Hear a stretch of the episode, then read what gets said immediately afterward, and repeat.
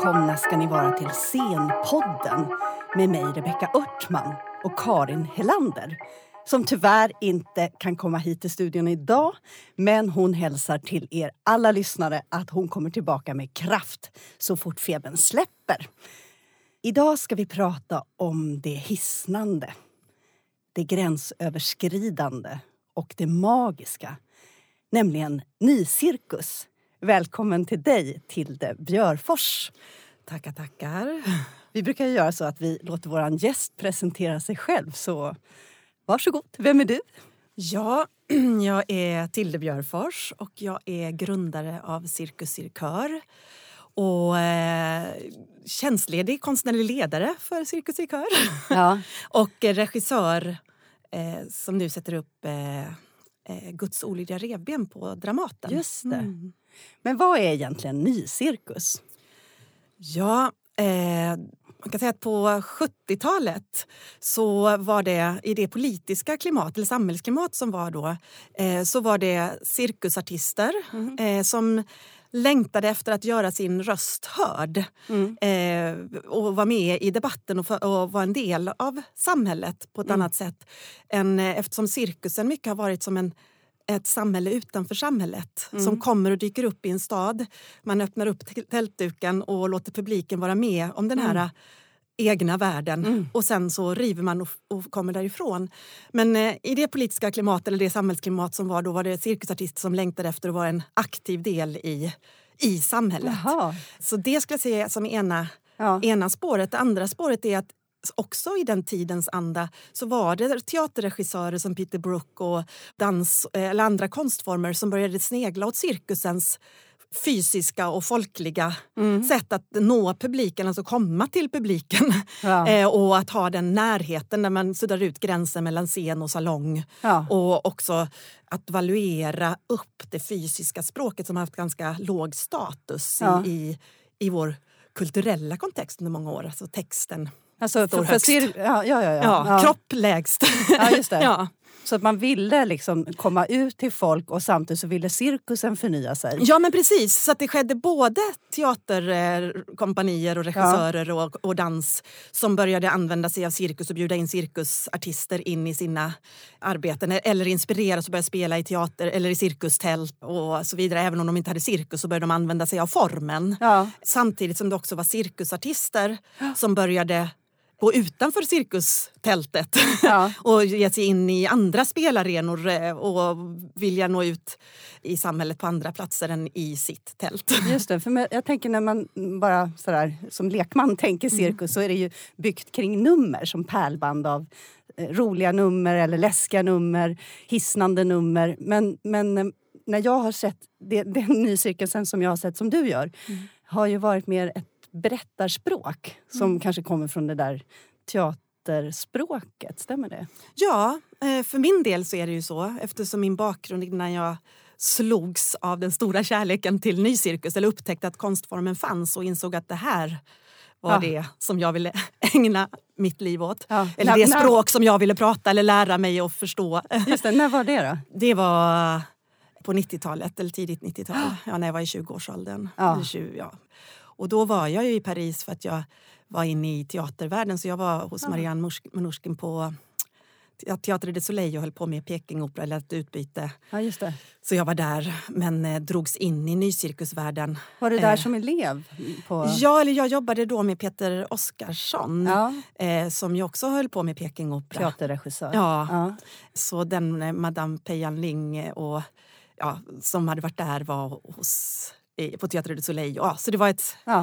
in, som ett slags utbyte. Eller vad man ska säga. Och då fick du upp ögonen för ny cirkus. Hade det liksom blommat ordentligt i Frankrike då? Ja, men det, var, det jag fick upp ögonen för var att det var en konstform ja. och att man kunde gå och se en ny cirkusföreställning varje vecka om man ville och att det fanns öppna scener och fanns cirkushögskolor, mm -hmm. mm. eller nycirkushögskolor mm. och um, träningsställen och att det fanns till och med en statlig organisation, Orlemyr, som hade i uppdrag att stödja och sprida denna konstform. Ja. Så det var det jag fick upp ögonen för. Jag hade innan fått upp ögonen för det som är nycirkus utan att riktigt fatta det. vad det var. Det var när jag såg Arkaus ah. som gästspelade i eh, Stockholm eh, på Vattenfestivalen. Eh, och det var ju min, så här, en av mina livsupplevelser vad gäller eh, scenkonst. vad, vad, var det de gjorde då? De gjorde Metal Clowns, heter den eh, eh, föreställningen. Mm. Eh, som en slags Mad Max-historia, men det är också i ett stort stor tälthangar med flera tusen i publiken. Mm. Men det var som en gata i mitten och det var så stort och pampigt och det åkte bilar som kraschade och mm. de krossade bilar och flög i luften och höll på och ett stort rockband på en lastbilsflak. Men det var samtidigt som det var så stort och omskakande ja. så var det också små magiska moment med liksom bara en, en jätteman och en liten, liten man. Som, alltså så att man ja. kunde, det spände mellan det groteska stora ja. och det finstilta lilla som blir så existentiellt på ett sätt som jag aldrig varit med om. Och Det var också som en livsstil runt hela Eh, Arkaus hade verkligen skapat hela livet runt. Eh, det. Och det var ju den första nycirkusgruppen i Frankrike som, som kom med sitt politiska engagemang och visa på det gränsöverskridande och eh, så vidare.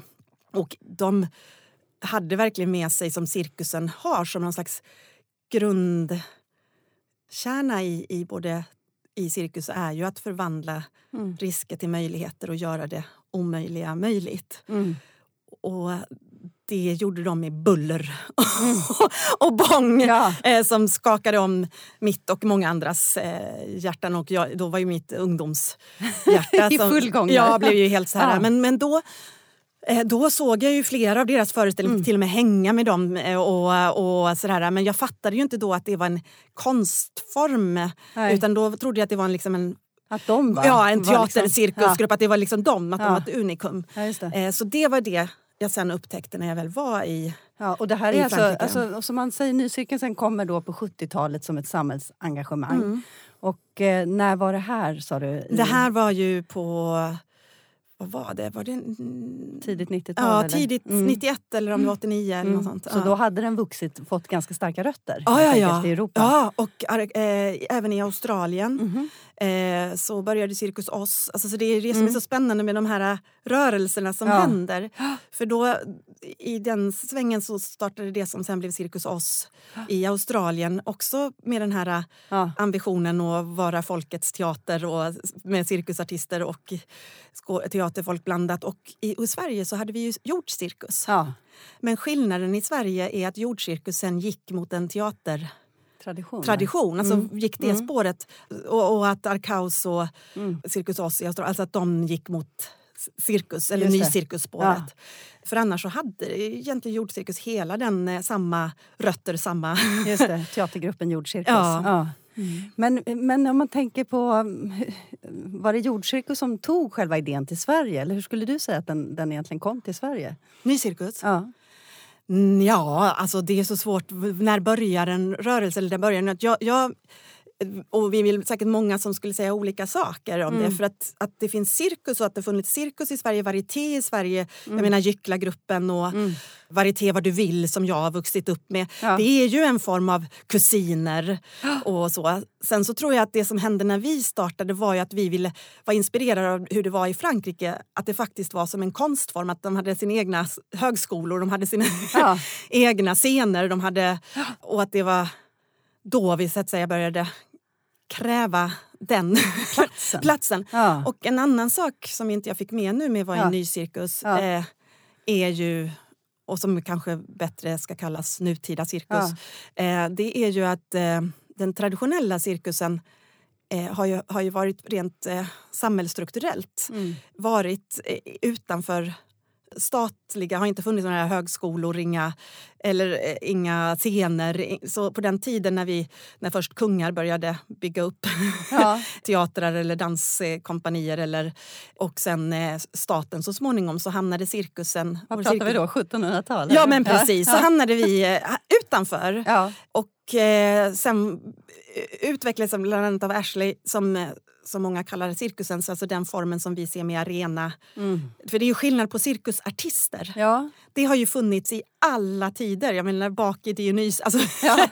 eh, så de jonglörer och, och hela det har ju funnits från många olika kulturer och på många olika sätt. Men mm. sen det som blev cirkus, cirkus är det som vi ser idag med cirkustält och arenan och Mm. popcorn. Och, Mm. eh, det började ju med den här häst, eh, Evan Ashley.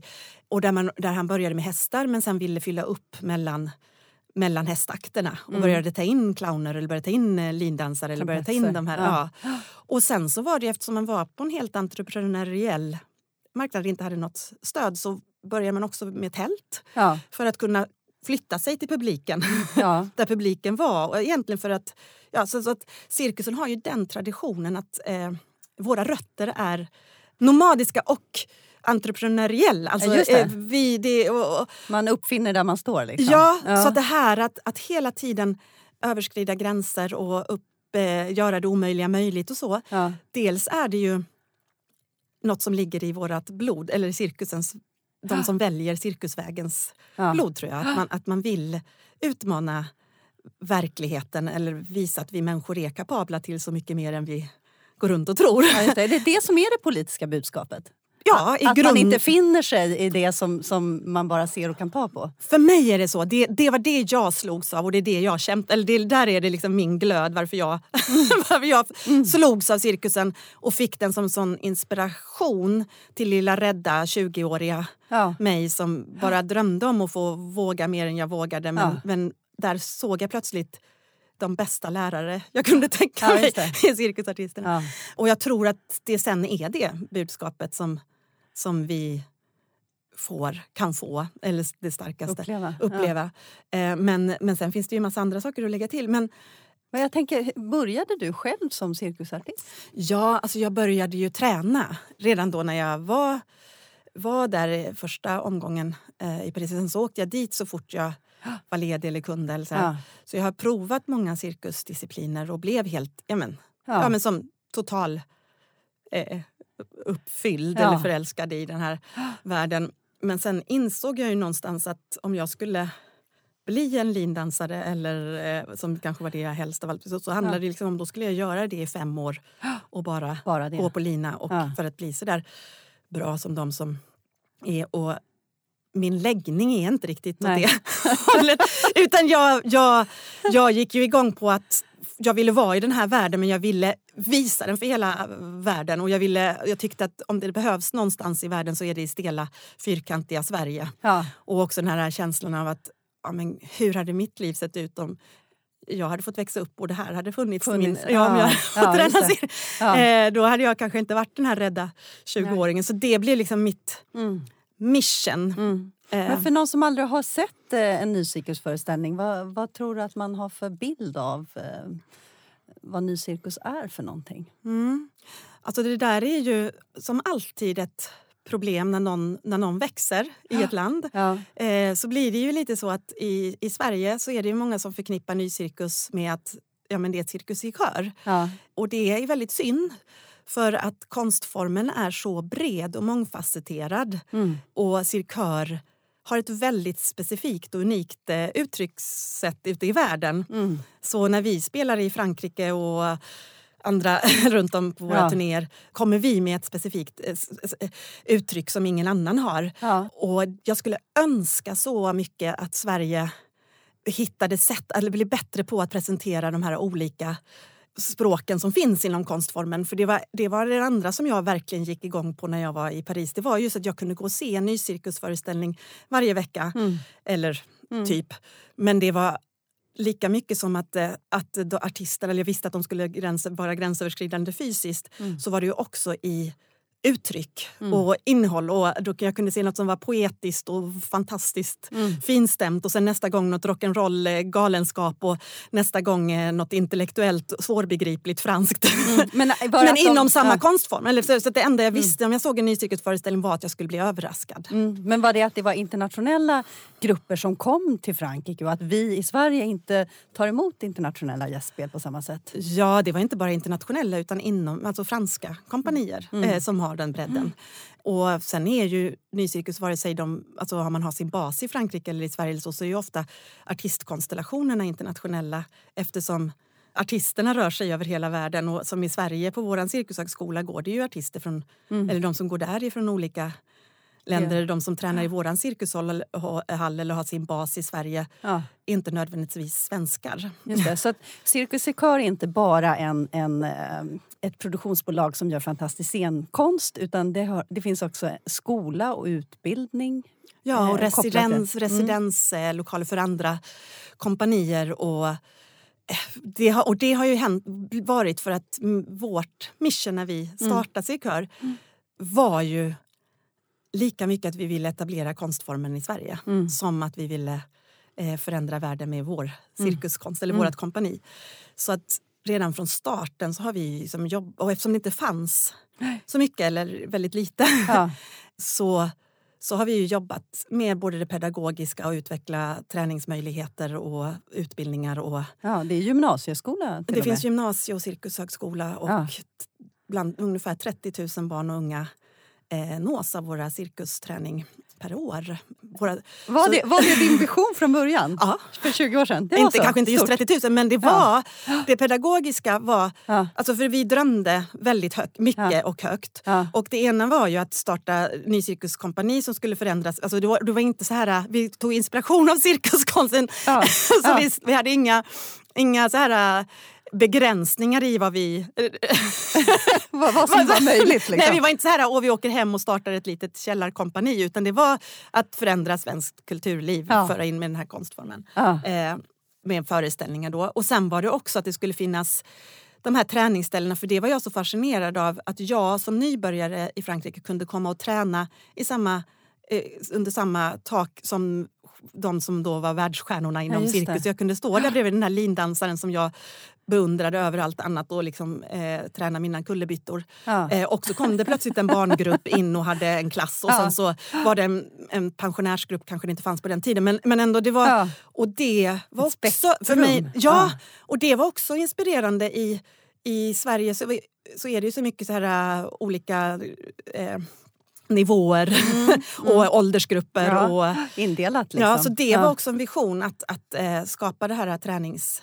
Och så funkar det just nu i, i Alby? Eller? Ja, nu har Ja. vi kurs, kurserna som vi har är ju gruppindelade men Mm. när, när kurserna är där och tränar så tränar det proffs, eh, manegens, eh, Mm. eh, branschorganisationens träning och, och det är residens med kanske något internationellt kompani eller något eh, professionellt Mm. från Sverige som har residens i våra lokaler och så. så det, eller våra artister som är där och tränar. Så att Mm. det, är, det är ju precis det.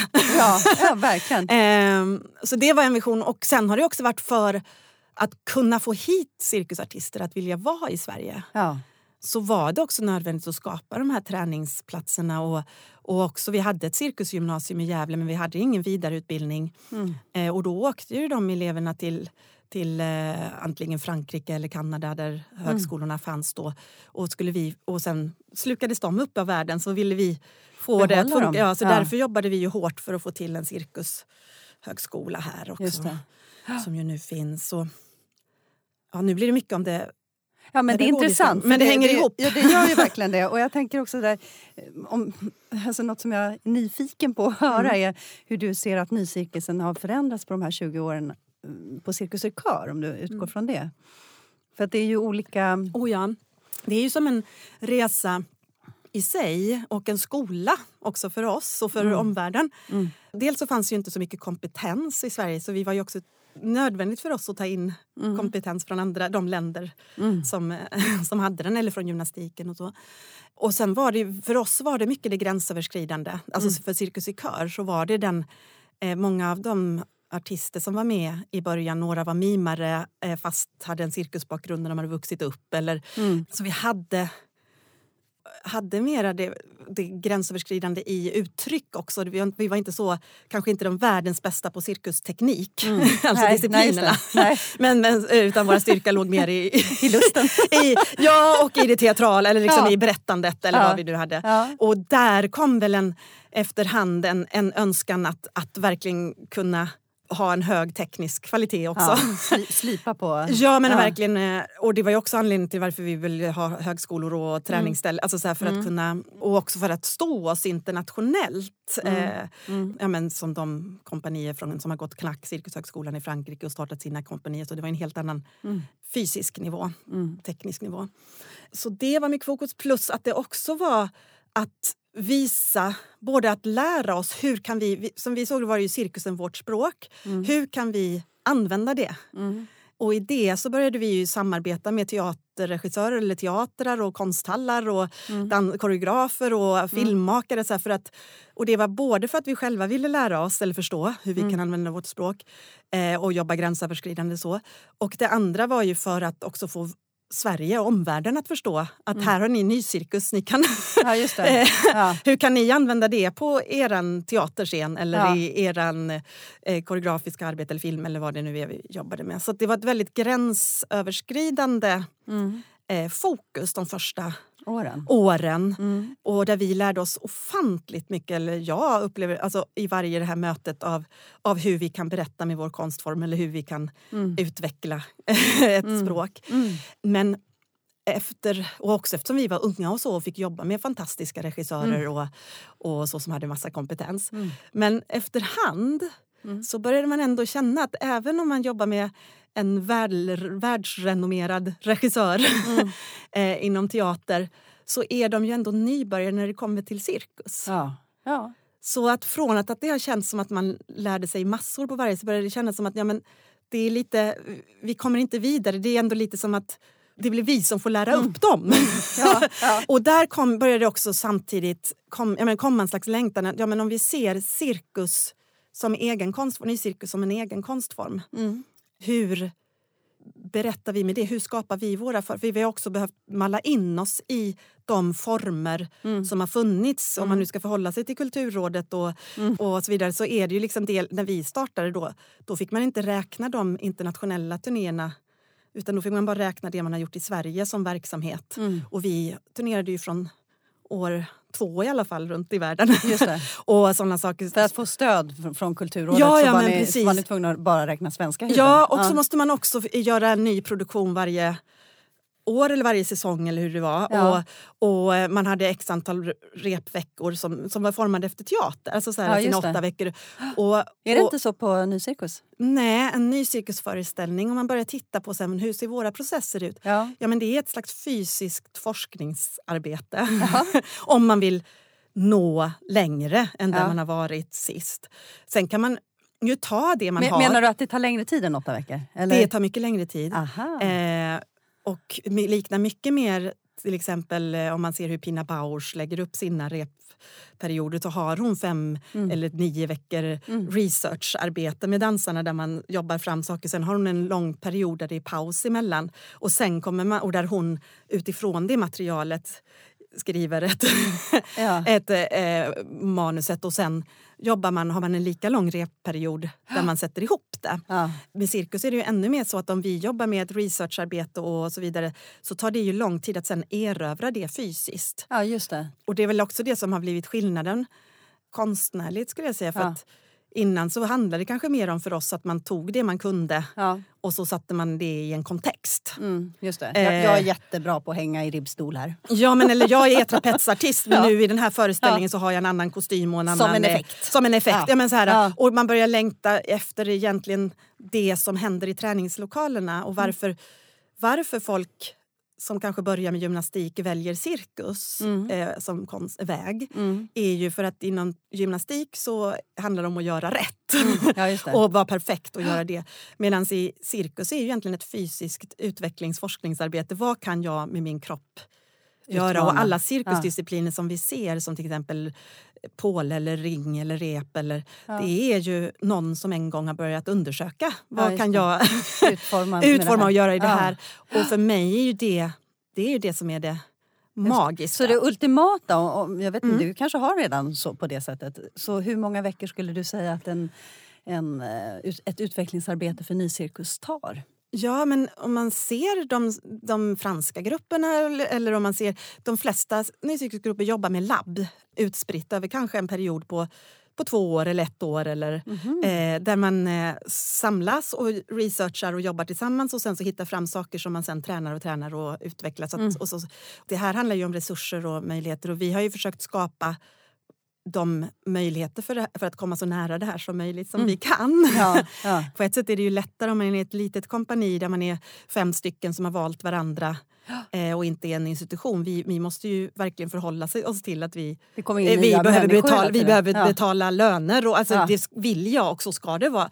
Och då får man hitta sätt att göra det på. Så att vi brukar se till att kanske ha något längre repperiod än än vanliga åtta eh, veckor. Åtta. Ja. Och att vi ser till att de är utspridda så vi har labb tidigare. Och sen har jag också valt att göra så här att vissa föreställningar gör jag på samma tema. Mm. Fast, mm. ja, men som till exempel Knitting Piece så gjorde mm. jag först Knitted Piece mm. som en egen process där vi gick in i materialet. Ja. Och sen för att kunna finansiera det också, också bli, lät det bli en föreställning. Ja. Och sen jobbar man vidare med materialet men har då tid att också jobba vidare med innehållet som blev knitting piece. Ah, ja. just det. och samma sak med borders och limits ja. eh, kommer ju från samma tematik. Fast just där det. gjorde vi tvärtom. Gjorde vi den stora ja. Ja. föreställningen med, med både skådespelare och 19 på scen och alltihopa först. Och sen gjorde vi vårt lilla format. Men, Hur men, många var li, lilla formatet då? Från 19 eh, till? Sex ja. artister. Ja. ja, det är ju skillnad. Men det är ändå mm. stora produktioner tänker jag. Du, du kan liksom inte gå ner i det där lilla källarhålet och jobba två, eller? Men det har jag gjort. Ja. De första produktionerna var vi, var vi 21 och sen var vi, men så jobbade oss neråt till de här sex som känns som men, eh, men sen så fick jag faktiskt frågan från eh, Ada Berge på Unga Dramaten. Ja, den såg jag. Ja, och ja, göra, ja precis. Ja. Och göra en barnföreställning med två artister eller skådespelare. Ja. Och det är så komiskt, men det, det kändes ju lika...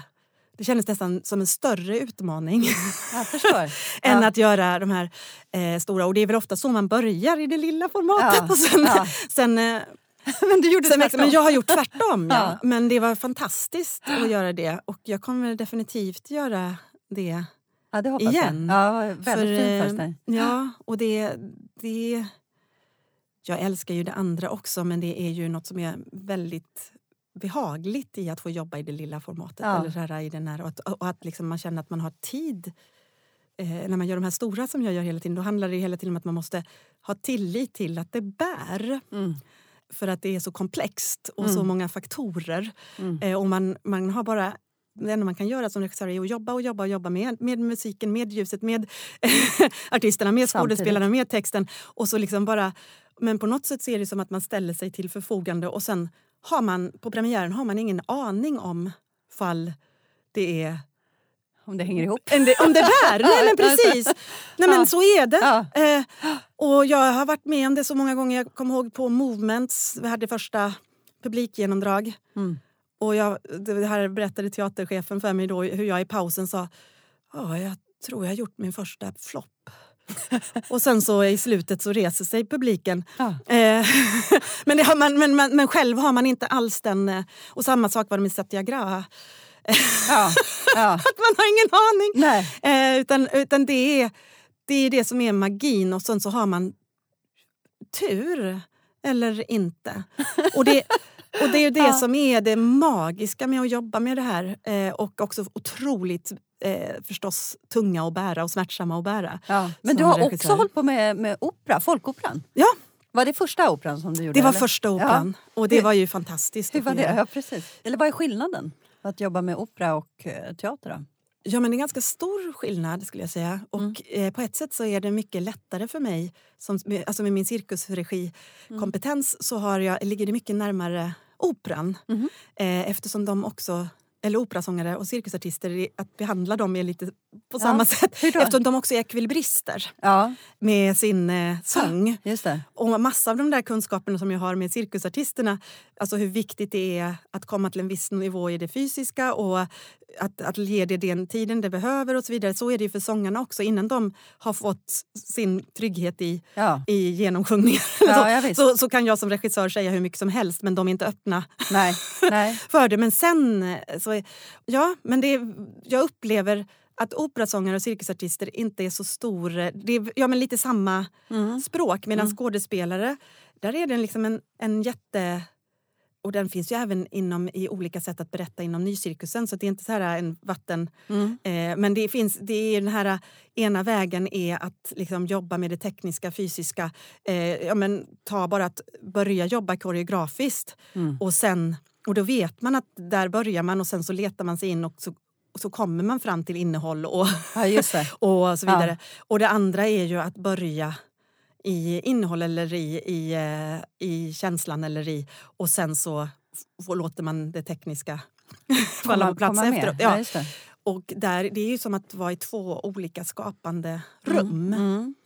Ehm, och som blir ännu, ännu tydligare med skådespelare. Mm. Eh, framförallt skådespelare finns ju också inom skådespel att man är olika skolade eller har olika Mm. ingångar. Men om man är, vissa, vissa är, har kanske gjort mer koreografiska verk eller Mm. eh, Kommer Och- från den fysiska Ja, men precis. Och tycker ja. det är spännande och roligt Ja. eh, att jobba form. Mm. Medan andra eh, känner sig, ja men, ja men vill få lov att vara i nuet här Mm. och nu och se vad som händer i rummet och, och, och mellan texterna. Och det, den. Och Mm. det, är, det är liksom en slags krock Mm. som man får hantera hela så där kände du dig mer nära då, liksom, eh, solisterna och kören på Folkoperan?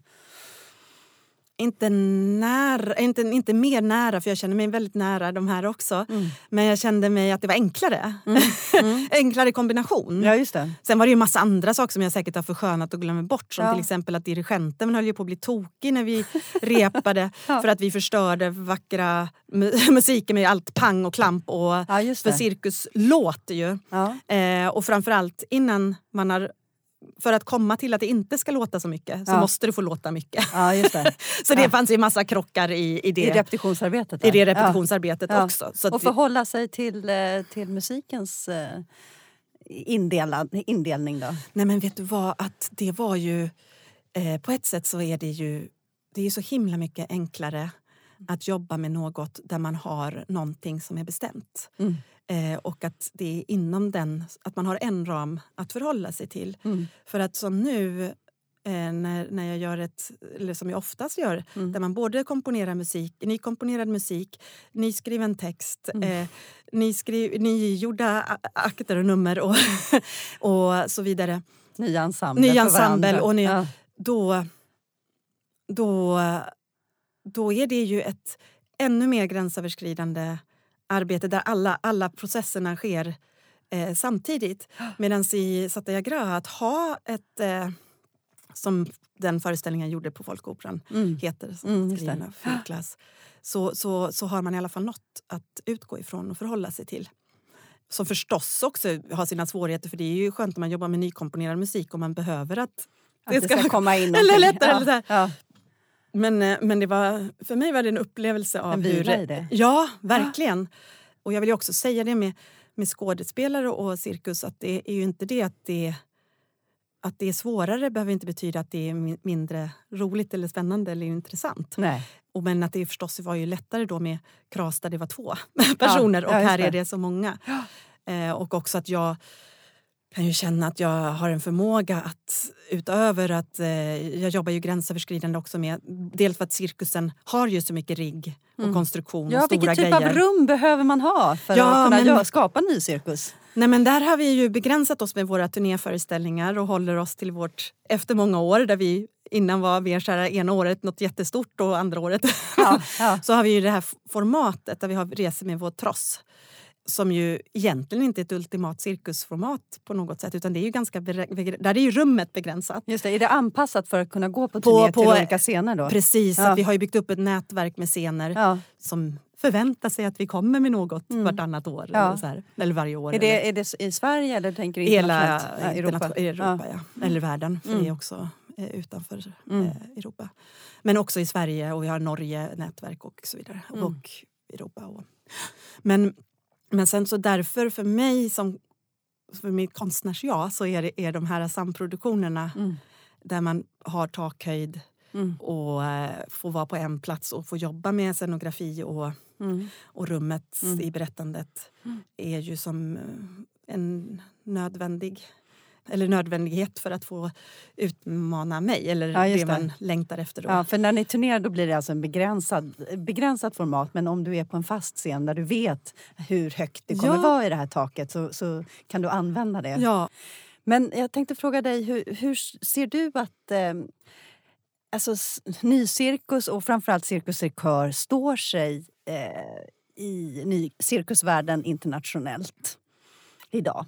Ja, eh, ja men vi, vi räknas väl som ett av de, de kompanierna att räkna med inom ny cirkus, eller som är ja, de större kompanierna eh, och står oss som det, eh, skulle jag säga. Och sen vad vi kanske gör mer än många andra är att vi också kommer in på andra konstformers arenor. Att vi också spelar mer på under te- teaterkontexter eller operascener eller eh, Är det Eh. något annat eh, kompani som, som gör det också? Ja, jo, det finns. Det finns eh, som, eh, men som inte kallar sig nycirkus. Nej. Utan som kallar sig mer tea- dansteater. Ja, eller så. ja. Mm.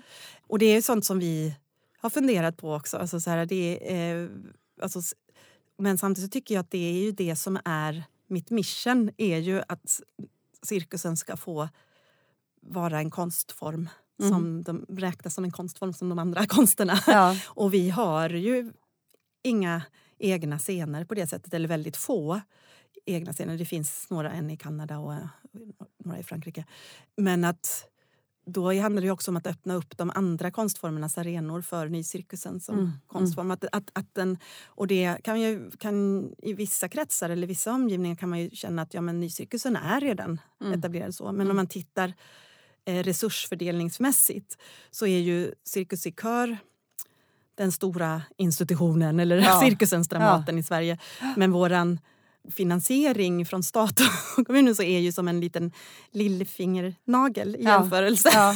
och vi har ingen egen scen och, och så vidare. Och titta, så är det ju lite även internationellt. Mm. Eh, även om det i Frankrike finns flera hundra cirkuskompanier och så så är det ju ändå om man jämför med de andra konstformerna eh, Så har nycirkus inte, all, inte alls samma ställning. samma infrastruktur Nej, och ställning. Eller eh, ekonomi Men ni är ju fantastiska tänker jag också på att vara ett AB som drar in pengar på... Ja men det är ju, vi har ju våra, we have our roots Ja. i, i den entreprenöriella världen men det är också skillnad på, det finns också gränser för vad man, vill man skapa konst eller vill man, och det här är ju något som varje cirkusartist måste göra ett val och det är också en fördel för artister att att de kan välja den kommersiella vägen på ett sätt. Det finns, man kan göra Event jobb, events och sådana Ja. saker. Ja. Eh, och många artister gör också så. Man gör x antal events för att sen kunna finansiera sitt konstnärliga arbete och sina egna produktioner och så vidare. Finns Eh, det någon risk med att, att man gör de här eventen, tror du, för nycirkusen? Ja, men absolut. det finns risk med varenda sak. Och jag fick ju den frågan framför allt de första fem, tio åren eftersom vi växte så explosionsartat och jobbade med all bredden. Och Allt på en början, gång. Ja, allt på en gång. Och vi var ju såna ja-sägare. Ja. Men då var det också så här, varför, vi gjorde, varför vi gjorde events då. Det var ju för att det var ett sätt för artisterna att för, försörja sig för att kunna vara i Sverige. Om vi skulle ha de här var vi också tvungna att se till att det fanns Jobb för dem. jobb för Ja, dem. ja. Eh, och, så det var, det, och, och, jag, och alla sa så här, men är ni inte rädda att växa för mycket och bli en institution och institutionaliserad? Och så här, jo, skiträdda, men det gör ändå inte... Men det finns ingen annan väg. Alltså jag är beredd att ta den risken. Eller vi är beredda att ta den risken för för oss är det viktigast att konstformen Fortlever? eh, fortlever och etablerar sig. Ja, just det. Och att det inte blir... Jag, menar, jag tycker det är jättesorgligt att mimlinjen har funnits i alla år och de kompanier som fanns och den potential som, Mm. som jag tycker saknade i, svenskt kulturliv. eh, Mm. Alltså det fysiska eh, teaterspråket där vi är ju ganska... Eh, det händer saker men det finns inga scener för det. Det finns inga... Nej. Och så, så, så att det Mm. var en risk. Och sen har jag ju haft, har vi känt att då flåset i, i nacken att Mm. ja, vi kan inte vara rädda för att växa men vi kan hela tiden jobba med hur vi växer som organisation och försöka vara ny cirkus på kontoret även Ja. om vi blir institu- eh, institution. Och Ja, och institution behöver ju inte vara en svordom. Nej, det behöver inte det. Och det, och, och det vet vi ju inte minst Ja, nu så ja. blir det ju tydligt hur, hur viktigt det är. Eh, Men att det ena inte ska är på bekostnad av det andra. Och det jag verkligen skulle vilja säga och framhäva det är ju det fria nycirkuslivet i Sverige är ganska stort och starkt framför mm. allt. Men att det är sorgligt i det kulturpolitiska klimat som finns nu att det inte finns utrymme för dem, dem att turnera i Sverige. De kanske spelar i Avignon i, i Frankrike och runt om i Europa men får knappt spela i Sverige. Och Det är väl något som jag önskar som ett så här ja. framtidssteg. Och sen så fattar jag ju i i kombination med att länsteatrar skärs ner och alltså den, mm. det klimat vi har så är det ju svårt att komma med en ny konstform eh, och, eh, och, och, få plats. Mm. eh, men det är synd för att vi går miste om mm. så mycket bra konst. Vad, vad tror du skulle behövas eh, om du tittar på framtiden för att nycirkusen skulle kunna blomma på det sättet som du önskar? Ja, men det, finns, det gjordes ju en utredning eh, och, eh, för förra året. Eller förra året. Eh, och där finns ju några saker. Det ena är ju eh, Ja, men där kan man ta inspiration från Frankrike till exempel igen, detta mm. land. Mm. Men där man hade ett, ett, ett, eh, treårigt projekt där staten gick in och satsade på scener eh, som ville programmera eh, ny cirkus petit format, alltså litet format, alltså där det var kanske färre ja. artister. Och, ja. eh, och hjälpte dem med, med, stöd för liksom hur de kunde marknadsföra och de fick även vissa resursstöd för att göra det under tre år så de hann bygga upp sin publik. Mm. Och sen nu rullar det på. Mm. Är det det ni försöker göra med det här residensprojekt eh, som ni har? Nej, våra residens det är ju att vi eh, har som ambition att stödja konstformen på de sätt vi kan. Mm. Och nu har vi lokaler mm. och vi, så fort vi inte använder dem så vill vi att andra ska mm. få använda dem. Mm. Och också att det har varit en stor nyckelfråga i vad som har behövts för eh, artister att vara i Sverige, eller kompanier att vara i Sverige. Men nu börjar det, just residensplatser vi har ju i och för sig fullproppat hela tiden hos Utopia. Och mm. så här, men det börjar, det börjar hända på lite andra platser. Mm. Så det är ju absolut en viktig mm. sak. Mm. Det är lättare för scener att ta sig kör för där vet de att de kan, äh, har en upparbetad publik och folk vet vad det är än att ta ett okänt mm. kompani. Och då kanske det är lättare att ta ett kompani från Australien för då kan man äh, cirka, marknadsföra det, marknadsföra ja. det som Australien. Ja, Sen så finns det kanske något som har samma kvalitet som det eller ännu bättre än det från Australien. Men de vet inte hur man ska få folk att komma, komma dit så då vågar man inte eh, ta det. Så där tror jag skulle finnas ett, eh, där finns ett område. Och nu finns det scener som är intresserade av det här och jobbar med det här men där mm. det skulle kunna komma väldigt långt. För det som är häftigt med den här konstformen mm. är att även svåra nycirkusföreställningar som är kanske smala och så mm. har en förmåga att ha, ta, ha ett direkt språk till en publik. Mm. Så jag vågar påstå att alltså tre år och göra provverksamhet så kommer man sen ha byggt upp den här publiken. Ja. Eller i alla fall är det det jag kan se från andra länder som har jobbat. Ja, var, var, det det utredningen liksom Det var bl bland annat, det fanns ja. ju andra punkter ja. förstås om, ja. om, om hur man kan stödja den fria sektorn. Eh, men som sagt med lokaler men också framförallt mm. Eh, stöd till scenen för att presentera. Mm. Jag hade en fråga som var vad är din drivkraft? Men jag undrar om den är helt överflödig. för att hela, hela, hela programmet nu har du berättat om eh, modet som behövs för att eh, liksom utmana vår tankesfär. Mm. Men jag tänker, finns det, om frågan skulle vara vad, vad, är, vad får dig att hitta den här kraften till att få det här modet? Det är som att jag har en motor som är så stark så jag behöver, det är snarare tvärtom, att jag har svårt att hitta hur kan jag sätta paus. Alltså jag kan, det, för, för mig är den här grejen att, att växa eller få andra att växa eller växa själv eller, ja. och få världen att utvecklas eller ens tankar eller ens eh, ja, men våga gå där man inte har gått. Det, Ja, men jag ska kunna, om jag ska säga nåt så kan, kan jag kanske ta det tillbaka till min egen rädsla. Mm. Att, att jag, och att jag fick sån stark upplevelse när jag var ganska ung av vad som hände när jag vågade utmana min rädsla eller gå över, göra det där som jag inte vågade göra. Och att det blev en sån här nästan religiös upplevelse ja, ja. av hur världen växte. Och det satt så djupt. Mm. Eh, tror jag, alltså, om jag ska titta varför, varför har jag ja. fått det som mitt mission. Men jag tror att, jag tror att den självupplevda eh, och att, och att jag också märkte att innan dess har jag försökt att stänga gränserna liksom för att känna trygghet så, så vill jag eh, sa jag nej. Eller, ha kontroll. Och, ha kontroll ja, och så här. Ja. Och så plötsligt upptäcka att ja, men det var just när jag vågade att inte ha kontroll eller vågade gå där jag, då, blev, då hände någonting.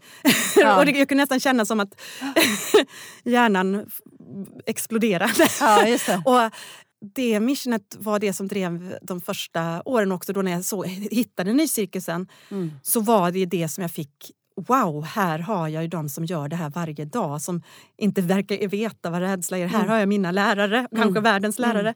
Sen insåg jag ju när jag jobbade med cirkusartister att de är ju minst lika rädda som oss andra. Ja. Men det de gör är ju att dagligen jobba med den träna rädslan och träna på det. Och vad jag också hela tiden har haft, tror jag, och förstås på ett ganska omedvetet, naivt sätt i, i, i när, eftersom jag var bara 24 när vi startade i kör och så, så har jag ändå hela tiden kopplat det fysiska till det mentala eller mm. filosofiska eller mm. hjärnan. Ja. så att då handlade det om att förändra samhället. Det var ju liksom att jobba gränsöverskridande mellan olika förvaltningar. När vi startade i Kör så, gick, så sa alla till mig ni får välja antingen gör ni pedagogik eller så gör ni konst. Man kan inte göra både och. Och det här är ju bara 20 år sedan nu. Mm. vill ju all politik att, ja. att all konst ska också göra pedagogik. Ja, eller kommersiellt. Ja, men precis. Och, man, och vi har alltid ja. varit i alla, alla områden och eftersom vår konstform inte fanns så var det lite, vi kunde vara på idrottsförvaltning eller ungdomsförvaltning eller kulturförvaltning. Eller liksom. och det här att vara gränsöverskridande ja. i eh, samhället var en stor del av arbetet de första åren. Och för mig var det ingen skillnad i det gränsöverskridande som i, i det konstnärliga mm. arbetet. Så för mig är det en slags fys fysiskt, eh, mentalt, andligt. Mm. Eh, allt forskningsarbete om vad det är att vara människa. Ja, skulle jag säga. Du, är, ty, ty, eh, du är professor. Ja, men eller, jag är inte längre, men Nej. det visar sig att har man varit det en gång så är man alltid... Kan man alltid det, säga det? Inom ja. den akademiska världen. ja. Men, ja. Eh, men jag är inte anställd som professor eh, nu. Ehm, eh, men, men jag var det under flera år ja. Eh, och det var ju eh, otroligt spännande. Men sen har ju, apropå vad jag, att jag var inne i det politiska samhällsstrukturella var väldigt viktigt för mig. Men sen har jag mer och mer gått åt konstens väg mm. som förändringskraft. Och, mm. eh, och så nu är det den, mm. den vägen som jag känner är mitt språk. Är, och då, där är det ju lika mycket i de här processerna när man skapar och sen så i mötet med mm. publiken. Och att kunna ge den inspiration som nu Limit som spelat i Washington förra, eller nu precis. Och mm. den hade premiär 2015. Nej, ja.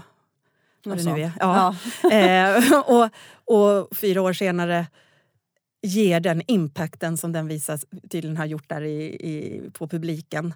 Som, där, där publik reagerar med att de vill gå ut och göra någonting med sitt liv eller sin situation. Eller så här. Ja, för den handlar om bara om du... Den handlar om, eh, om eh, gränser och risker och möjligheter och migration. Mm. Mm. Eh, och skapades under hösten 2015. Så samtidigt som vi gjorde den så hade vi eh, mottagning, transitboende i huset och eh, nyanlända som bodde hemma hos mig. Och så, så det var en mm. enda, och klädinsamlingar och grejer. Mm. Så att det var liksom gjort i en enda... För mig går ofta livet och konsten totalt mm. hand i hand. Mm. Och det jag forskar eller vill utveckla i livet är det som också utvecklas på scen. Mm. Och så på det sättet så, men, men, men det jag har hittat är att den akademiska världen, det forskningssättet är, då får jag inte med det fysiska mm. eller konstnärliga. Mm. Och hinner inte göra så många produktioner. Nej, Tack Tilde mm. Björfors för att du kom till Scenpodden och pratade om ny cirkus. Mm. Tack för att jag fick vara här. Ni möter oss igen om ett par veckor, då med en ny spännande gäst. Missa inte det.